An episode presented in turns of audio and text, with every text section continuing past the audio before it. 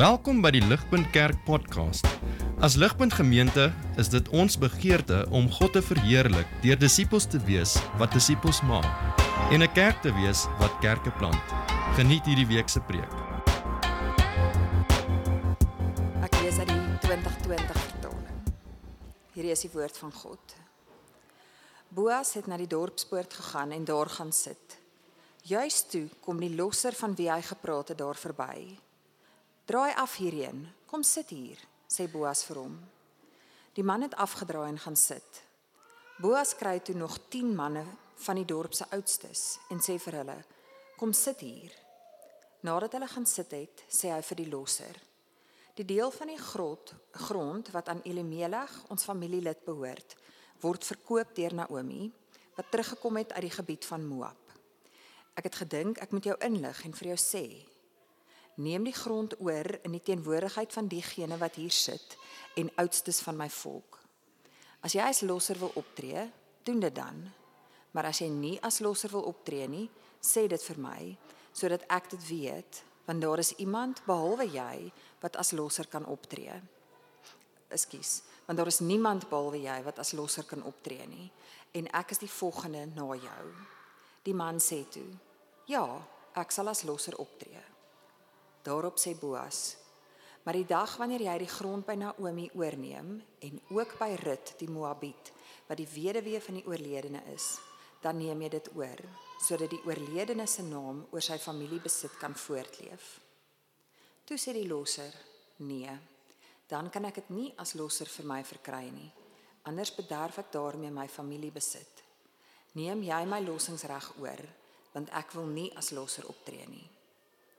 Wanneer dit gegaan het oor lossingsreg en ruiltransaksies, was dit vroeër in Israel die gebruik om enige saak te bevestig. 'n Persoon moes sy sandaal uittrek en dit vir die ander party gee. Dit het dan in Israel as bekragtiging van die saak gegeld. Toe die losser vir Boas sê, "Neem die lossings lossingsreg vir my oor," het hy sy sandaal uitgetrek.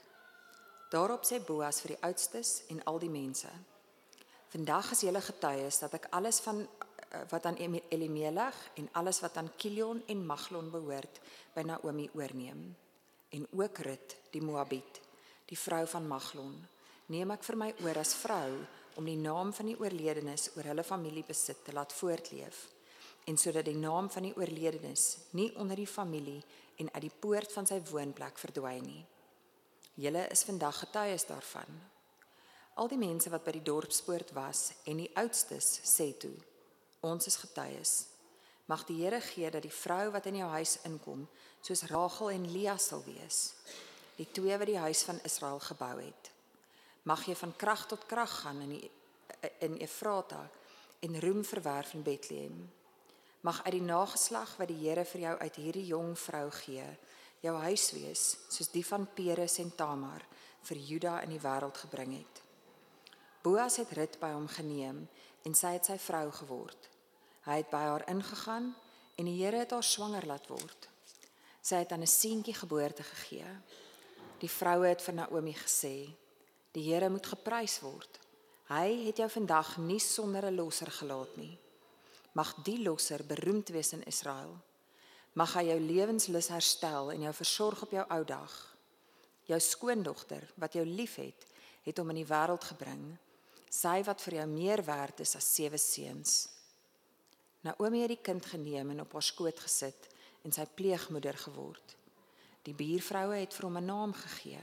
Hulle het gesê: "’n Seun is vir Naomi gebore en hom toe Obed genoem."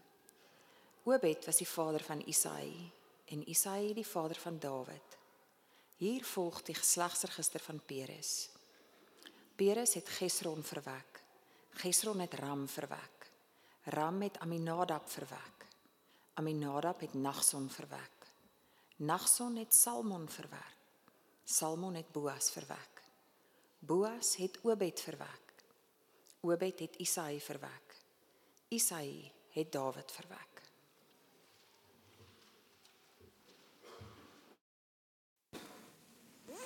Uh môre, dan sê. Uh môre almal, baie welkom hier so by ons. Ehm um, Welkom ook aan almal wat uh, terug is van die vakansie af. As jy 'n bietjie weggekom het. Uh, ons was hier met die ouers. Ons is daai ouers wat agtergebly het uh met die kinders by die huis. Uh so Vriende, baie welkom hier. So as jy by ons kuier vanoggend ook 'n spesiale welkom aan jou. Uh, my naam is Dewald. Ek sommer net een van die ligpunters hierso.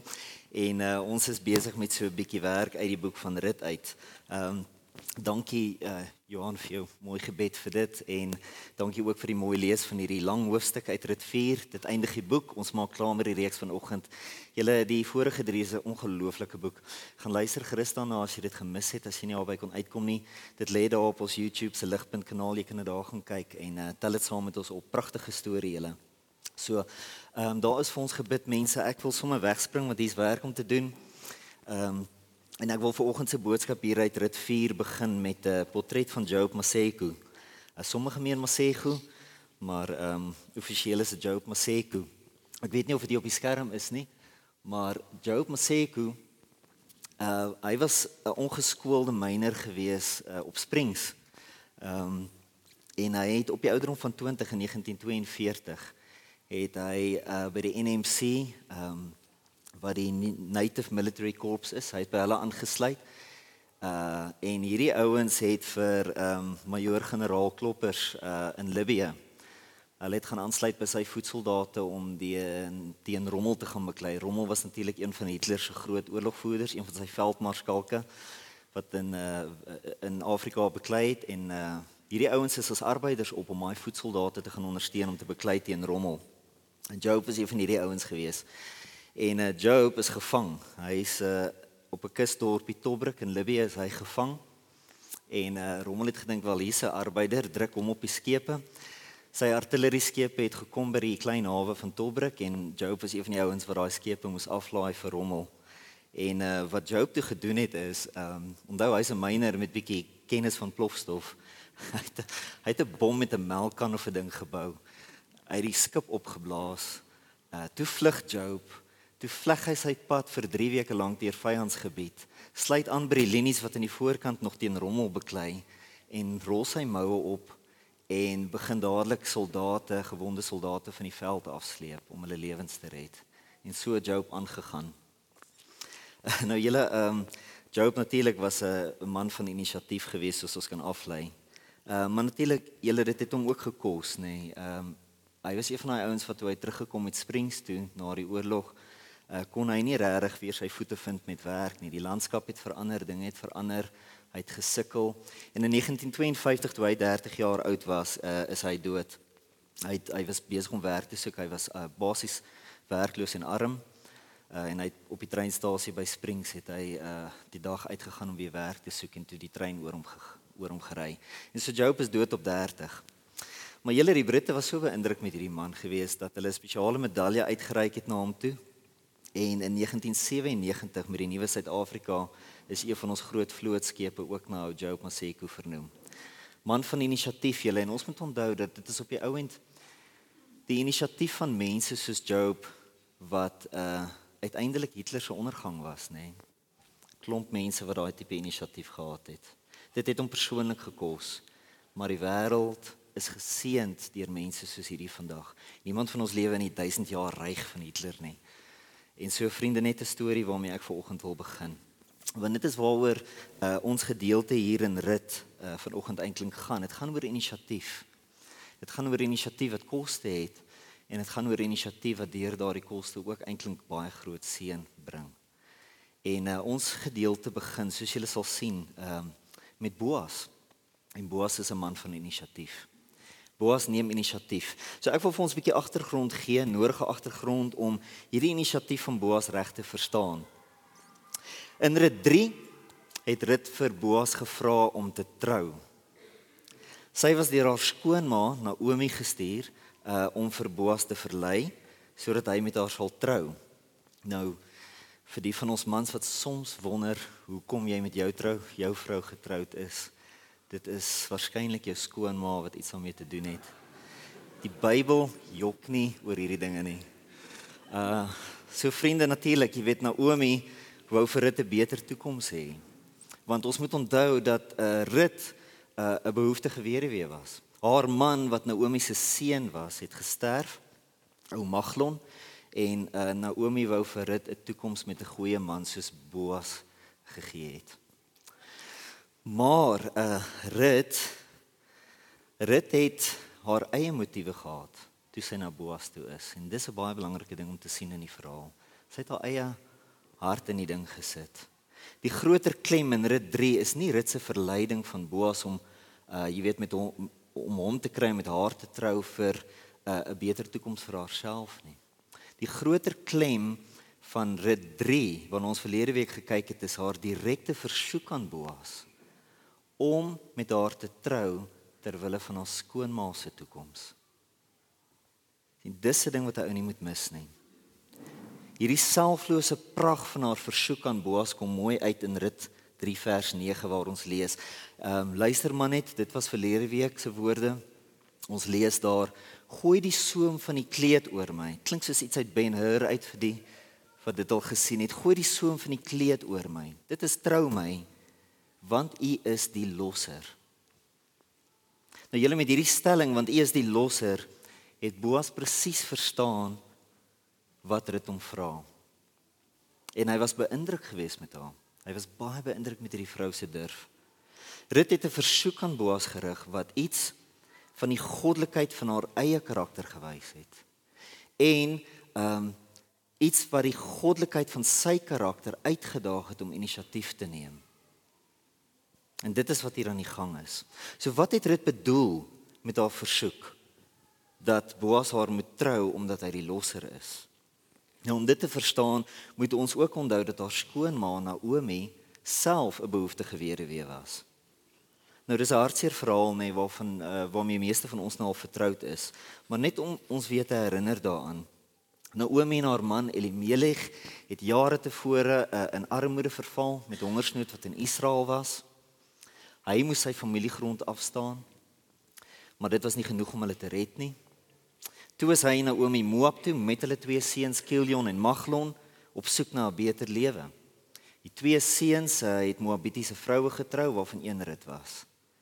En toe sterf Elimelech, Naomi se man, en Kilion en Maglon. En haar seuns het ook uh, geen kinders by die Moabitiese vroue gekry nie. Nou julle was haar kinders was daar hoop.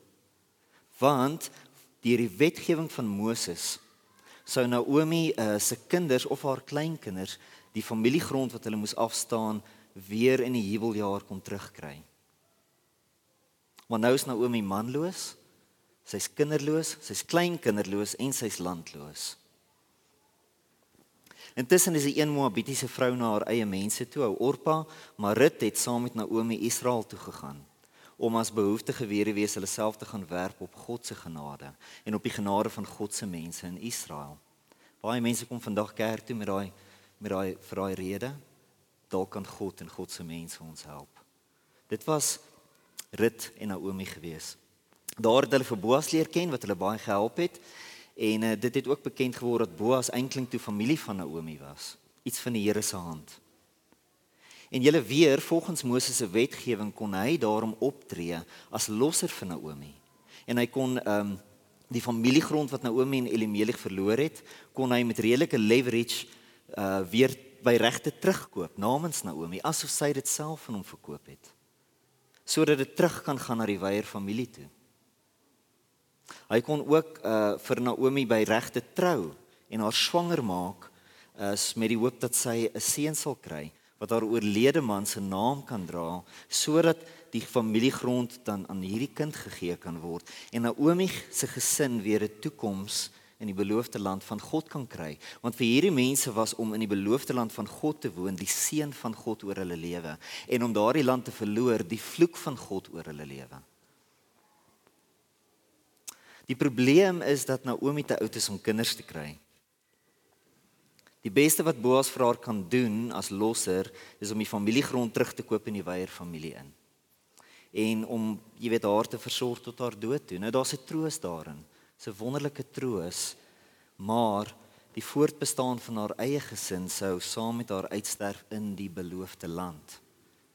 En Naomi is bitter. Sy voel God verlate en sy voel leeg oor hierdie saak. En julle dis waar Rut inkom want Rut haar Moabitiese skoondogter sien hoop vir Naomi. Sy sien hoop vir haar. En dit was met hierdie hoop dat Rut vir Boas kom vra het om haar te trou.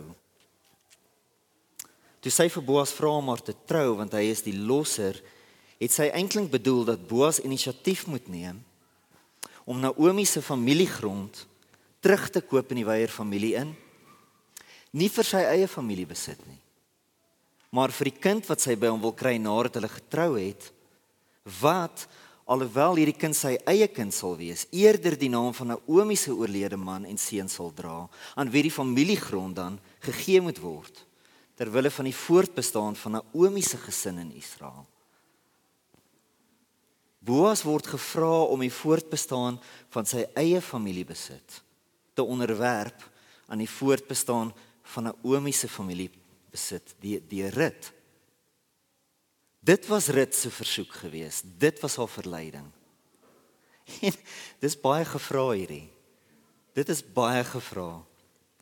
Maar julle hier kom Boas ook nou in die verhaal in hè, want sy karakter wys ook hier. Hy was so beïndruk met haar versoek dat hy haar toe hierdie antwoord gee in Rut 3 vers 10 en 11. Luister maar net weer na die woorde. Hy sê mag jy geseën word deur die Here my dogter. sien Boas sien haar inisiatief hierso en wat sy graag wil hê en hoekom sy na hom toe kom met dit en hy sê mag die Here dit seën. Mag jy geseën word deur die Here my dogter. Dan sê hy jou trou aan die familie blyk duidelik. Moet dus nie bang wees nie my dogter. Alles wat jy vra sal ek doen. Ek sou nie gebly het nie. Die punt is julle Boas sien iets van die Here se hart om Naomi te seën in Rut se versoek. En dit sit die gees van God in hom om inisiatief te neem daarmee. Ons het hier te doen met die gees van God wat nou werk in hom en dit het deur dit na hom gekom. En op hierdie punt, julle kan ons so 'n bietjie terug staan nê en onsself bietjie vra waar sien ons geleentheid? Waar sien ons die Here se wil? Waar ervaar ons in ons verhouding met God en met sy kerk en met alles wat ons uit die Bybel leer hoe die gees van God ons roep tot inisiatief? Om iemand te seën Een ding wat Rit ons leer, wat hierdie boek ons leer, is dat dit die Here se wil is dat ons inisiatief sal neem daarmee. Om in te leen op dit en daai inisiatief te neem en sy gees te vertrou met die werk wat hy wil doen. Um John F Kennedy het in een van sy toesprake gesê, "We strive for a peace that makes life worth living." Nou vriende, die inisiatief om iemand te seën is baie keer die inisiatief om iemand se lewe 'n bietjie meer die moeite werd te maak. Dis die tipe ding waarvoor 'n ou moet uitkyk. By ons is daar 'n Zimbabwese vrou wat uh vir Cathy van tyd tot tyd in die huis help. Ehm um, sy bly daar om die draai van ons vir 'n lekker maklik vir haar. Haar broer is onlangs in Zimbabwe doodgeskiet vir die geld in sy sak. Daai geld in sy sak was belangrik in die Weyer familie en sy werk wat hy gedoen het ook. Nou ek en my vrou weet regtig nie julle wat hierdie vroutjie se lewe op die stadium die moeite werd sal maak nie, want sy's verpletter. Maar ons dink dit sal help as sy by haar familie kan uitkom. En ek dink ons kan 'n rol daar speel. Hier in ons storie vanoggend is Naomi se lewe bitter en leeg. Die inisiatief wat Rut vir Boas vra om te neem, is bedoel om haar te seën. Dis bedoel om haar lewe ook bietjie meer die moeite werd te maak. En dit is wat ons hier in Rut 4 sien gebeur. Dis waaroor hierdie hoofstuk gaan. Dis die hartklop van dit. So kom ons kyk hier na Rut 4. Dit begin met Boas wat inisiatief neem om as losser vir Rut maar vir Naomi op te tree. En net gou voordat ons na Rut 4 toe kom, onthou ook uit verlede week uit, daar's 'n komplikasie. Daar's 'n ander losser in die familie wat nader aan Naomi sit as Boas. Dis nie reg vir Boas uh, om die soom op te tel sonder om hierdie ander man uh eerste die kans te gee nie. En uh, julle hierin sien ons ook soms soos wat ons hier na rit 4 toe kom. Hier sien ons nog iets van Boas se karakter. Wat ons sien is dat dit nie oor hom gaan nie. Dit gaan nie oor hom nie. Dit gaan oor Naomi. Sy inisiatief begin nie met 'n ophef van homself nie. Hier kom ek Boas en ek gaan hierdie wonderlike ding doen nie. Dit begin met selflose aksies vir Naomi se uitkoms. En ons sien dit als hier in die eerste 4 verse van Rut 4. Luister mooi weer na die woorde. Boas het na die dorpspoort gegaan en daar gaan sit. Jy's toe kom die losser van wie hy gepraat het daar verby, hierdie ander man. Draai af vir een, kom sit hier sê Boas vir hom. Die man het afgedraai en gaan sit. Boas kry toe nog 10 manne van die dorp se oudstes en sê vir hulle kom sit hier. Nadat hulle uh, gaan sit het sê hy vir die losser, die deel van die grond wat aan Elimelech ons familielid behoort word verkoop deur Naomi wat teruggekom het van die gebied van Moab. Ek het gedink ek moet jou inlig en vir jou sê, neem die grond oor in die teenwoordigheid van diegene wat hier sit en oudstes van my volk. As jy as losser wil optree, doen dit dan. sien ons die inisiatief, nê? Nee? Doen dit dan. Maar as jy nie as losser wil optree nie, sê dit vir my sodat ek dit weet want daar's niemand behalwe jy wat as losser kan optree nie. En ek is die volgende na jou. Iemand sê toe, "Ja, ek sal as losser optree." Nou julle hier sien ons Boas se inisiatief in aksie. Hy vaar die dorpspoorte van Bethlehem in waar sake, eh, jy weet soos die van Naomi hanteer word. Hy hark die getuies nader. Hy trek die ander losser van die familie by sy kraag in en uh, hierdie ou per toeval net daar verbygestap. En hier sien ons weer 'n teken dat die Here se wil in Boas se inisiatief is. En net als gedoen, rig Boas sommer dadelik die saak van Naomi se familiegrond aan hierdie ander losser voor die getuies. En die man is sommer dadelik in om te help. So die inisiatief dra vrug. Ons sien iets van God se seën vir Naomi wat begin posvat hierson. Dit is als tot die koste van die saak opkom. Aan die einde van vers 4 uh sê die man, "Ja, ek sal as losser optree, maar dan wending in die verhaal verse 5 en 6. Daarop sê Boas: "Maar die dag wanneer jy die grond by Naomi oorneem en ook by Rut die Moabiet wat die weduwee van die oorledene is, dan neem jy dit oor sodat die oorledene se naam oor sy familie besit kan voortleef." Toe sê die losser: "Nee, dan kan ek dit nie as losser vir my verkry nie. Anders bederf ek daarmee my familie besit." Neem jy my lossingsreg oor? Want ek wil nie as losser optree nie. Nou julle dat hierdie uh jy weet hierdie ander losser in die familie skielik vaskop is mos nie heeltemal onredelik nie. Die koste is hoog. Hy word skielik baie gevra. Hy moet Naomi se familiegrond oorkoop. Dan moet hy Rut 'n Moabitiese weduwee trou en sy eie kind by haar moet dan Naomi se oorlede man se naam kry en die grond moet dan na hom toe gaan om Naomi se gesin te sien eerder as sy eie. Die koste met ander woorde vriende wat ons in hierdie storie sien is dit die koste om vir Naomi te seën is hoog. Seën is nie goedkoop nie. Om te kan seën kos. En ons voel baie keer self so. Die inisiatief om iemand te seën kom baie keer met kostes om te dra. En julle, waarom is dit so? Ek dink 'n ou moet hierdie vraag vra, waarom is die lewe so? Ek dink die evangelie van Jesus leer ons iets oor dit. Jesus het inisiatief kom neem om ons in verhouding met God te bring. 'n Verhouding waarin God ons pa word en ons sy kinders word. 'n Verhouding waarin ons sonde waarmee ons elke dag stry en selfs die dood wat vir ons almal wag, ons nie meer skei van sy liefde en van sy nabyheid nie. 'n Verhouding waarin alles wat met ons in die lewe gebeur deur God beredder sal word om ten goeie te werk. 'n Geseënde verhouding. Hierdie is alles dimensie van daardie verhouding wat Jesus ons ingebring het. 'n Geseënde verhouding. Maar die koste was groot. Jesus moes sy lewe gee en hy moes met sy lewe teen die kruis vir al ons sonde betaal en waarom hierdie koste? Want dit was nodig. Dit was nodig om die seën hierdie seën van verhouding met God te kon bring. God is heilig en ons is skuldig. Verhouding met hom en die geseentheid daarvan behels ook dan natuurlik die koste van ons sonde. Om vir Naomi wat bitter en leeg is te kan seën. Onthou, sy het rede vir bitterheid en leegheid. Dinge is fout in haar lewe, daar's probleme. Om haar te kan seën beteken jy gaan die bitterheid en die leegheid en die oorsaak daarvan ook moet aanspreek. Dit behels die koste van familiegrond wat verlore is.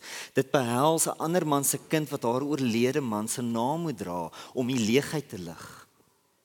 Om haar te kan seën, behels hierdie kostes wat die bitterheid en die leegheid moet aanspreek. En dit is waarom daar al baie keer met die gee van 'n seën 'n koste kom.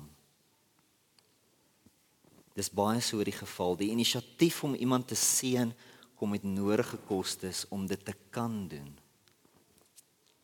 Julle dis die patroon van die evangelie van Jesus in ons lewens. It's the gospel pattern in life. Dis die kruis wat Jesus moes dra om ons te kon seën. Dis die kruis wat ons ook soms moet dra om iemand anders te kan seën. Want die seën spreek iets wat stikkend of gebroken is aan. Maar hier's die goeie nuus in dit alles. Onthou die evangelie. Die seën oortref die kruis. Die koste is kleiner as die uitkoms daarvan. Natuurlik rou ons oor Jesus se dood teen die kruis, reg? Maar ons jubel meer oor die seën wat dit bring in ons verhouding met God. Meeste van ons liedjies wat ons sing is blymoedig. En dis die patroon van die evangelie in ons lewens. Dis uit so 'n plek wat ons leer om inisiatief te neem om iemand te seën. Want ons ag die koste daarvan kleiner as dit wat God daarmee wil doen. En ons leer om God te vertrou daarmee. Bietjie vroeër het Johan toe ons ingelei het vanoggend gepraat van hoe mens baie keer gee en so min kom terug. Ek is deur 'n tyd wat ek so net alles het so vir my gevoel en ek sukkel nog steeds daarmee. Maar hier's vir rit 4 my help vanoggend en hierdie dinge wat ons aanraak. Ons wag baie keer vir dit om terug te kom na ons toe. Maar wat God daarmee doen is om die ander persoon vir wie ons dit doen te seën. En ons moet leer om vreugde in dit te vind. Ons oë moet verander om nuwe dinge te sien, nuwe dinge te soek. Dit hoef nie altyd terug te kom nie. Die vraag is wat doen dit aan die ander kant? Wat doen God daarmee?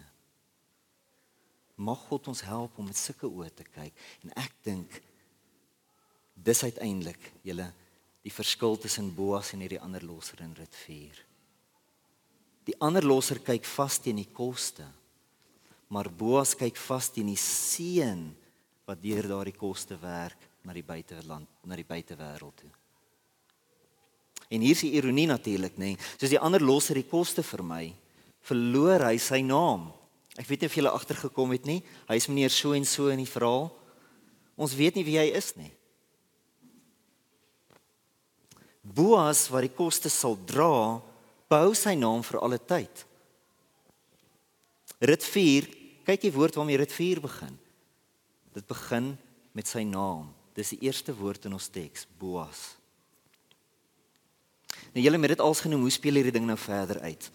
Aan die einde van vers 6 vertel die ander hierdie naamlose losser vir Boas, neem jy my lossingsreg oor? Want ek wil nie as losser optree nie. En dan lees ons verder verse 7 tot 12. Wanneer dit gegaan het oor lossingsreg en ruiltransaksies, was dit vroeër in Israel die gebruik om enige saak te bevestig, 'n persoon moes sy sandaal uittrek en dit vir die ander party gee.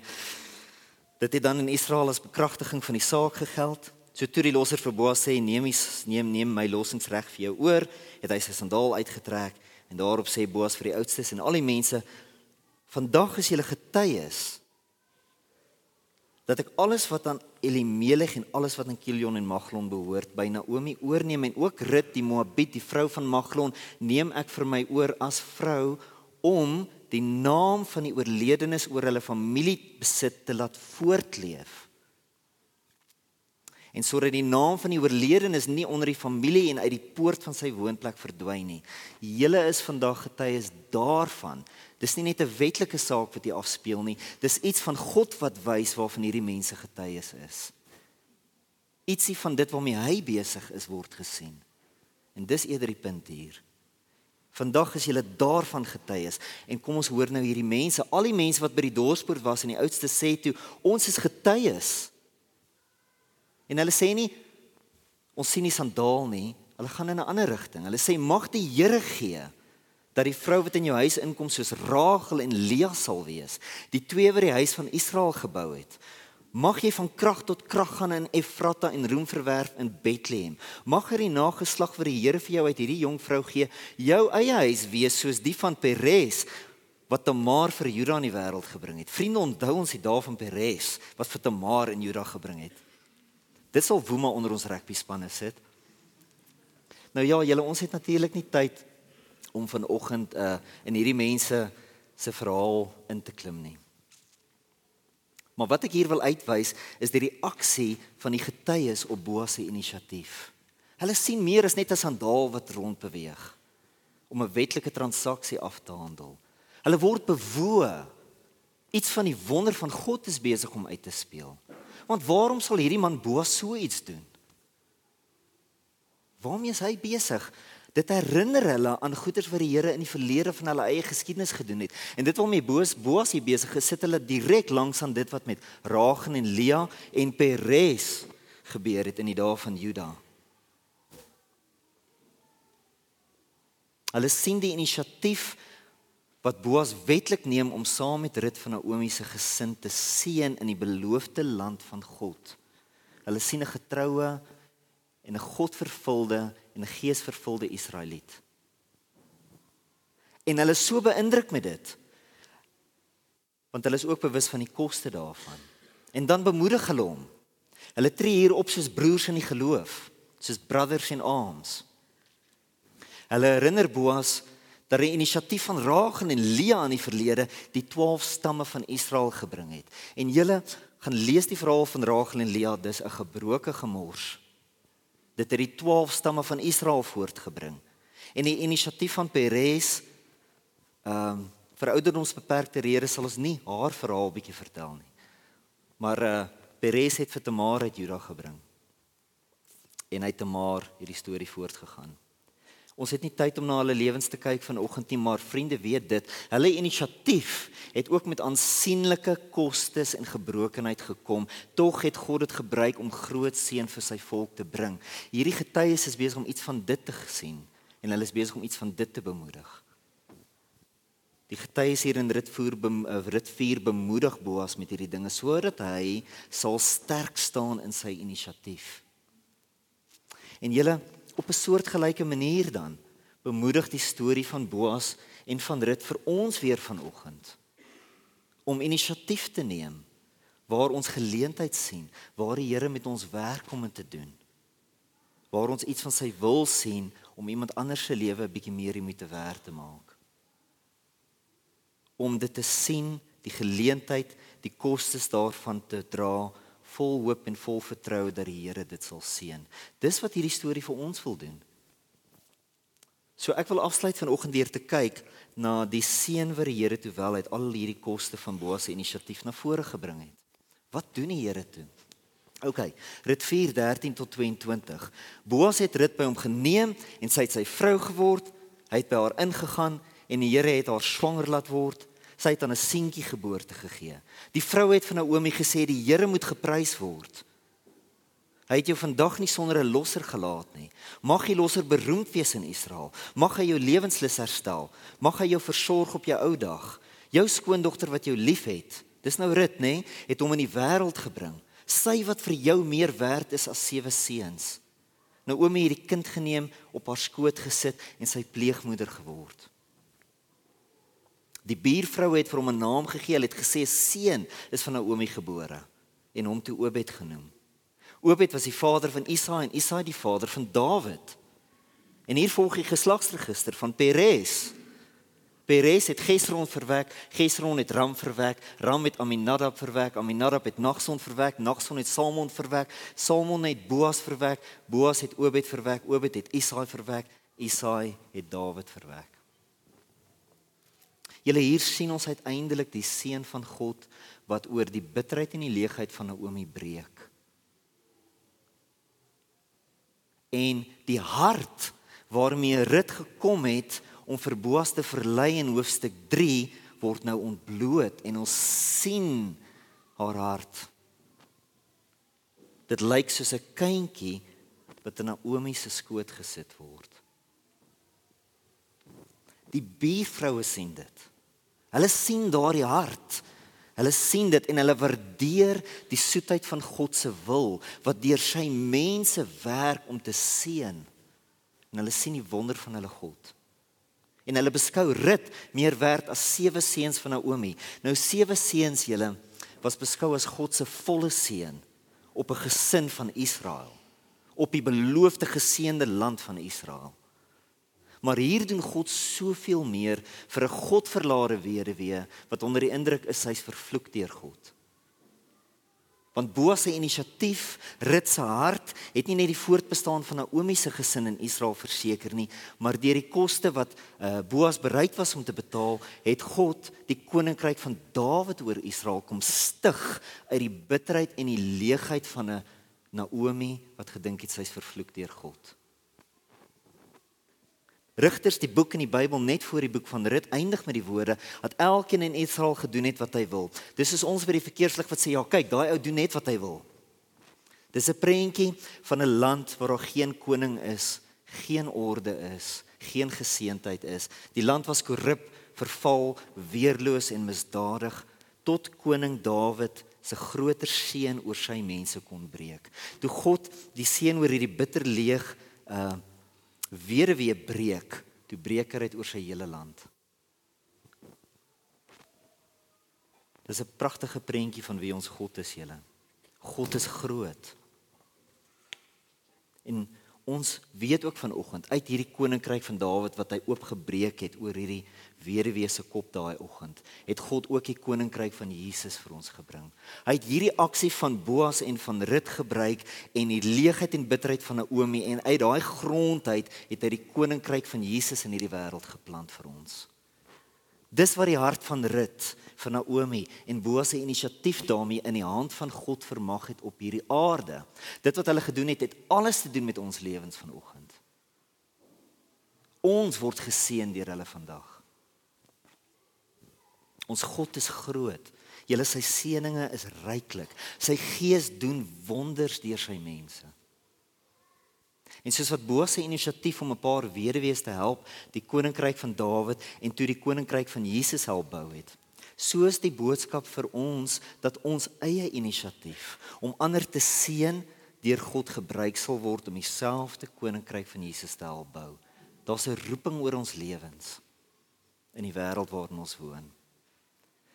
Vriende, as die inisiatief van mense soos Job Maseko waarmee ons begin het vanoggend kon bydra tot die ondergang van Hitler, 'n ongeskoelde myner in Springs. Wat kan ons eie inisiatief om ander te seën nie als in die hand van God vermag nie? Dis wat Rit 4 op die horison vir ons wil sit. In 1958 in 'n onderhoud met Nixon wat toe die onderpresident van um Eisenhower was, het 'n joernalis hom gevra, "Mr Nixon, in your time as vice president, have you been an observer, participant or initiator of policies?" Wel julle onder God se mense is dit nie net presidente en onderpresidente uh wat sulke vrae moet oorweeg nie. Elkeen word bemoedig deur dit vier om 'n mate van inisiatief te in die wêreld te sien. We're all called to be initiators. Iets van die inisiatief waarmee Jesus ons kom red het, iets van die koste wat hy vir ons kom dra het, iets van die seën wat dit vir ons gebring het, word nou ons elkeen se lig vir Suid-Afrika. En natuurlik julle dit hoef nie als ewe indrukwekkend te wees nie. Ek wil dit net so 'n bietjie land hier. Dit kan van geringe dinge uitkring. Ek weet byvoorbeeld dit seën my vrou as ek die besige oggende in ons huis op die voorvoet hanteer. Dit sien ons middelkind wat 'n mate van autisme het wanneer ons noukeurige struktuur vir hom gee elke dag. Dit sien ons oudste wanneer daar met hom gesels word, nie net peripheral gesprekke nie, maar skaakbord gesprekke. Ons jongste dink hy soek storieboeke voor hy gaan slaap, maar eintlik wil hy stoei. Daai's geringe dinge. Die seun se eie inisiatief was om een oggend op pad skool toe te vra of die domestiese werkers wat daai lang paadjie na hulle skool toe stap of baie oggende hardloop of hulle opgetel kan word en net bietjie pad langs gevat kan word met 'n woord van seën oor hulle. Julle niks hiervan dra bankbreek kostes vir ons nie. Dis alsmaar klein geld kostes, maar steeds kyk ons gereeld in die kostes vas. En verloor ons oog op die seën van God wat deur sulke geringe dinge kan kom wat hy daarmee kan doen. Want baie keer steek ons vas en vra wanneer betaal hierdie ding my? En ons mis wat God doen. Dis een manier om arm te bly. Maar julle dit is dan natuurlik ook besonder om te sien hoe die Here wel sy mense van uit die meer geringe dinge in hulle eie familie besit kan laat uitkring na groter inisiatiewe daar buite. Ons ken byvoorbeeld 'n gesin wat voor Covid wou emigreer. Ehm um, deels weens die toestand van ons land. Nou ek wil nie iets sê oor emigrasie vanoggend nie, maar ek wil iets sê oor hierdie gesin. Nie net het hulle gebly nie, maar hulle is nou besig om hulle huis oop te stel om 'n plek van veiligheid te wees vir weerlose kinders in ons stad. Toe John Winthrop die Puritein in 1860 gemeenskap Amerika toe gevat het om die nuwe wêreld te help bou, het hy oor daardie land uitgekyk en hy sê toe vir sy gemeenskap: "Let us be a city on a hill. Let us not be seduced by the lure of real estate, by the carnal opportunities of this land. We have to take this country as a gift from God." and give to it God's love. Dis ons roeping. En dis waaroor dit vir gaan. Vriende, of dit nou in geringe dinge is of in meer uitgekringde dinge. Soos ek nou hier afsluit, vra ek die Here om ons elkeen met die boek van Rut aan te moedig om een of ander inisiatief waar hy met ons werk en ons wys om een of ander inisiatief te sien en om te vra om dit vir ons te gee wat iemand anders kan sien en laat ons daarmee besig sal wees. Rit motiveer ons nie met skuld na dit toe nie. Rit motiveer ons met die prag van God se wil om te seën deur die inisiatief van sy mense. Soos wat Jesus dit vir ons kom doen het. So julle mag God jou gebruik om iets van sy koninkryk te help bou in hierdie land van ons deur sy gees. Wat werk in jou en jou sal lei en mag jy ontvanklik wees vir dit. Amen.